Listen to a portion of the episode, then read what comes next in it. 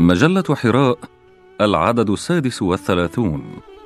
حدود التجديد والاجتهاد في الفقه الإسلامي بقلم الأستاذ الدكتور علي جمعة. تعرض للمجددين من علماء المسلمين قضيتان. الأولى هي التزامنا الأدبي والأخلاقي بعد أو قبل التزامنا الديني أمام الله سبحانه وتعالى. بأننا ورثة لهذا التراث الطيب الذي قام به أئمتنا وعلماؤنا عبر التاريخ من لدن الصحابة الكرام وإلى يومنا هذا. وهذا التراث والنتاج الفكري عاش عصره وأدى كل إمام واجب وقته. ولا ينبغي اطلاقا إذا ما رأينا اختلافا في المسائل التي نعيشها أن نتهمهم بالقصور أو التخلف أو مثل هذه الدعاوى التي تخالف الواقع والحقيقة. فهم أدركوا واقعهم ادراكا دقيقا وساروا في المنهج العلمي الذي يتلخص عندهم كما تقرر في تعريف مدرسة الرازي لأصول الفقه بأنه اولا إدراك مصادر البحث ثانيا كيفية طرق البحث ثالثا شروط الباحث وهي الثلاثة التي أشار إليها روجرز بيكون بعد ذلك. فإن أصحاب الرازي يعرفون أصول الفقه بأنه معرفة دلائل الفقه اجمالا وكيفية الاستفادة وحال المستفيد. فهذا هو المنهج الذي ينبغي علينا أن نسير عليه كما سار أسلافنا ونقوم بواجب وقتنا كما قاموا بواجب وقتهم. فيجب علينا أن نتعلم منهم كيف كانوا يفكرون وكيف تعاملوا مع هذه المصادر وما الضوابط والخطوط والأطر التي لا يمكن أن نتعداها وما المجالات التي يمكن فيها الخلاف. وفي نفس الوقت لا نجمد على مسائل عصرهم التي ارتبطت بواقعهم والتي لا تنسجم مع واقعنا بسبب الثورة الهائلة في الاتصالات والمواصلات والتقنيات الحديثة وخاصة بعد نشوء الشخصية الاعتبارية واستقرارها بهذا الشكل وبعد وجود هذه الشركات عابرة القارات وهذه الطرق السريعة والحديثة في التمويل عبر البنوك. كل تلك الأشياء تسببت في تغيير الواقع المعيشي تماما عما كان مما يحتم علينا إدراك هذا الواقع الجديد والتعامل معه بمنهج السلف الصالح حتى نصل إلى المقاصد الشرعية التي ينبغي أن نصل إليها. إذا انطلقنا من العلم الموروث وأصول الفقه نجد أن الأساس فيه هو إدراك النص وتحديد الحجة فالحجة هي الكتاب والسنة ولا يمكن التعامل مع الحجة إلا من خلال علوم التوثيق الخاصة بهذين الأصلين الكتاب والسنة. وعلم أصول الفقه يجيب عن أسئلة مهمة خاصة بتوثيق تلك الحجة مثل ما الفرق بين القراءة المتواترة والشاذه وما الفرق بين الحديث الصحيح والضعيف؟ ما الذي يكون محل قطع؟ ما الذي يكون محل ظن؟ فعلم أصول الفقه بعد هذا التوضيح هو الأساس لفهم النص الذي هو مصدر البحث وهو تحصيل حكم الله في أعمال البشر. ولكن هناك واقعا معيشيا بعوامل متشابكة له سمات. عالم الأشخاص والأشياء والأحداث والأفكار. هذه العوالم الأربعة متصفة بالتطور والتركيب والتعقد والتغير والتجاوز والنسبية والتقاطع في ثلاثين صفة لهذا العصر. ينبغي على المجتهد أن يكون عنده القدرة على النظر في النص وطريقة فهمه وفي الواقع وطريقة فهمه ثم عليه أمر ثالث وهو كيفية الوصل بينهما. كيف يغير هذا الواقع بمؤسسات وأفكار وبعقود تتواءم مع هذه الأحكام التي قد حصلها من النص؟ هذا الواقع يدفع العالم أن يبدع ولا يبتدع فيبدع بمعنى أن ينشئ ما لم يكن قد نشأ من قبل ولا يبتدع بمعنى الا يخرج عن مقتضيات ذلك النص الكريم الشريف وهو الوحي. إذ إن هذا يحتاج منا أن نعرف أن مصادر معرفتنا هي الوحي والكون معا وأن الوحي هو كتاب الله المسطور والكون هو كتاب الله المنظور وكلاهما قد صدر عن الله تعالى. هذا عالم الخلق وهو الكون وذلك عالم الأمر وهو الوحي. ولذلك لا تناقض بينهما. فهما مصدران من مصادر المعرفة لدى المسلم.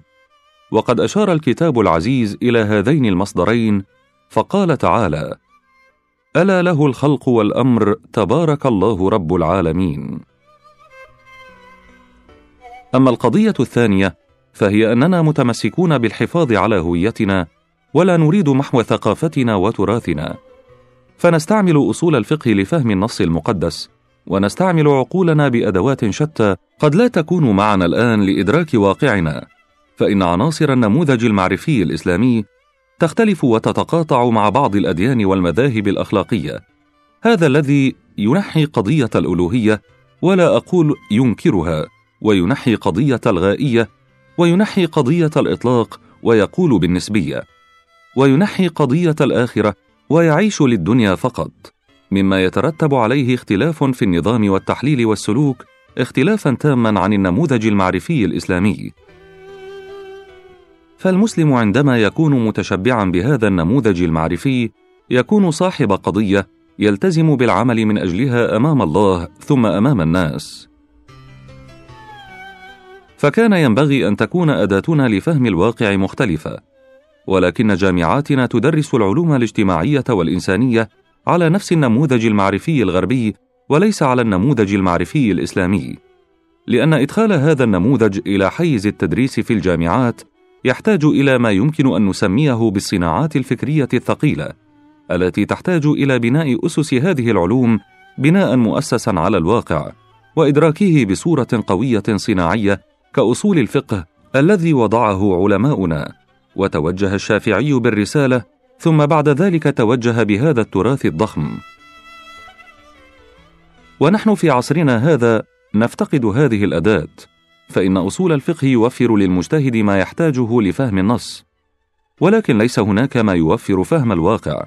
فغياب هذه الأداة يفسر لنا كثيرا من أسباب اختلاف العلماء في المجامع الفقهية وإنكار بعضهم على بعض. فمدى إدراك الواقع هو أساس اختلاف الفتوى في العصر الحديث. إن واجب وقتنا هو بناء أداة لإدراك الواقع وبتأمل الواقع نجد سمات أساسية واضحة تصل إلى ثلاثين سمة منها التجاوز والجوار والنسبية والتغير والتركب والتقاطع والتطور إلى آخره. وهذه السمات منها السلبي ومنها الإيجابي. فينبغي أن ندرك المساحة السلبية في تلك السمات حتى نتمكن من تنحيتها بقدر الإمكان أو تفاديها.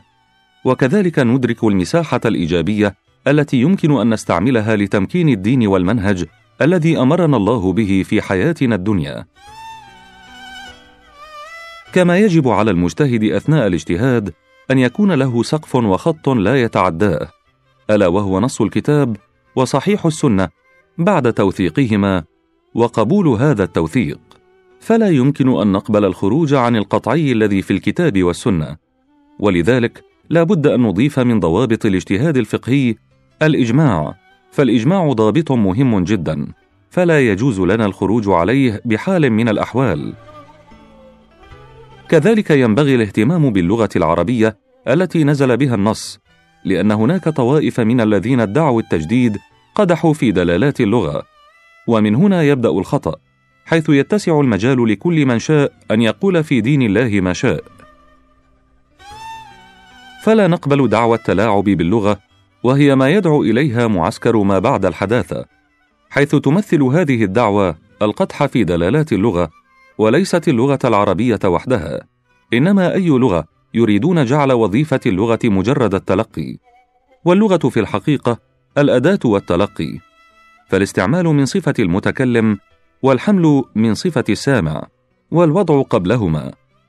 وبذلك فإنهم يسعون إلى تفسير النص الشريف حسب انطباعات المفسر دون الالتزام بدلالات اللغة. فنستطيع أن نقول إن النص الشريف والإجماع ودلالات اللغة وهي مع ما يأتي أسقف ينبغي للمجتهد ألا يتعداها. ينبغي على المجتهد كذلك مراعاة مقاصد التشريع إذ تمثل النظام العام وهي حفظ النفس والعقل والدين وكرامة الإنسان حسب التسمية المعاصرة وكانت تسمى قديما بالعرض أو النسل والملك وهي تسمية معاصرة كذلك والتسمية القديمة المال. وإنما رتبت هذه المقاصد بهذا الترتيب لأنه ليس متفقا على ترتيبها بشكل معين. فالشاطبي بدأ بالدين والزركشي يورد الخلاف في هذا الترتيب. وهذا الترتيب أراه مناسبا للتفكير وللعصر كذلك. فالإنسان يحافظ على نفسه ثم على عقله ثم يكلف فيحافظ على دينه ثم يحافظ على كرامته وملكه. وعلى هذا الترتيب نكون قد جعلناه نظاما يصلح لغير المسلمين أيضا لأنه متفق عليه بين البشر. فليس هناك نظام قانوني يبيح القتل العدوان أو يبيح السرقة إلى يومنا هذا. في أي مكان. مما يجعل هذا النظام العام يتسع للتعددية الحضارية التي فعلها المسلمون عندما أبقوا غير المسلمين بكافة طوائفهم. والمبادئ الدينية التي تبين أنه ولا تزر وازرة وزر أخرى وأن ليس للإنسان إلا ما سعى وجزاء سيئة سيئة مثلها وهو ما يسمى بفورية القوانين إلى آخره. من المبادئ الحاكمة للعقل المسلم والقواعد الفقهية مثل الأمور بمقاصدها والضرر يزال واليقين لا يرفع بالشك والعادة محكمة وكذلك المشقة تجلب التيسير. فبعض هذه القواعد خلاصة الفقه وهذه القواعد يتفرع منها قواعد أخرى لا بد لنا من إدراك المنهج ولا بد لنا من عملية التجريب التي تسقط المشخصات وتبقي المعنى. لا بد لنا من النظر إلى المآل لا بد لنا من النظر إلى المصالح لا بد لنا من إدراك مراتب هذه المقاصد وأن منها ضرورية وحاجية وتحسينية ودرجات العلاقات البينية بينها وهو ما لم يتم إلى الآن. فكتاب المقاصد نجده يتكلم عن المقاصد ومراتبها ولكن لا يتكلم عن العلاقات البينية فإن هذا محتاج إلى عمل كثير حتى نستطيع أن نفعلها أي نجعلها أداة أو آلة بيننا.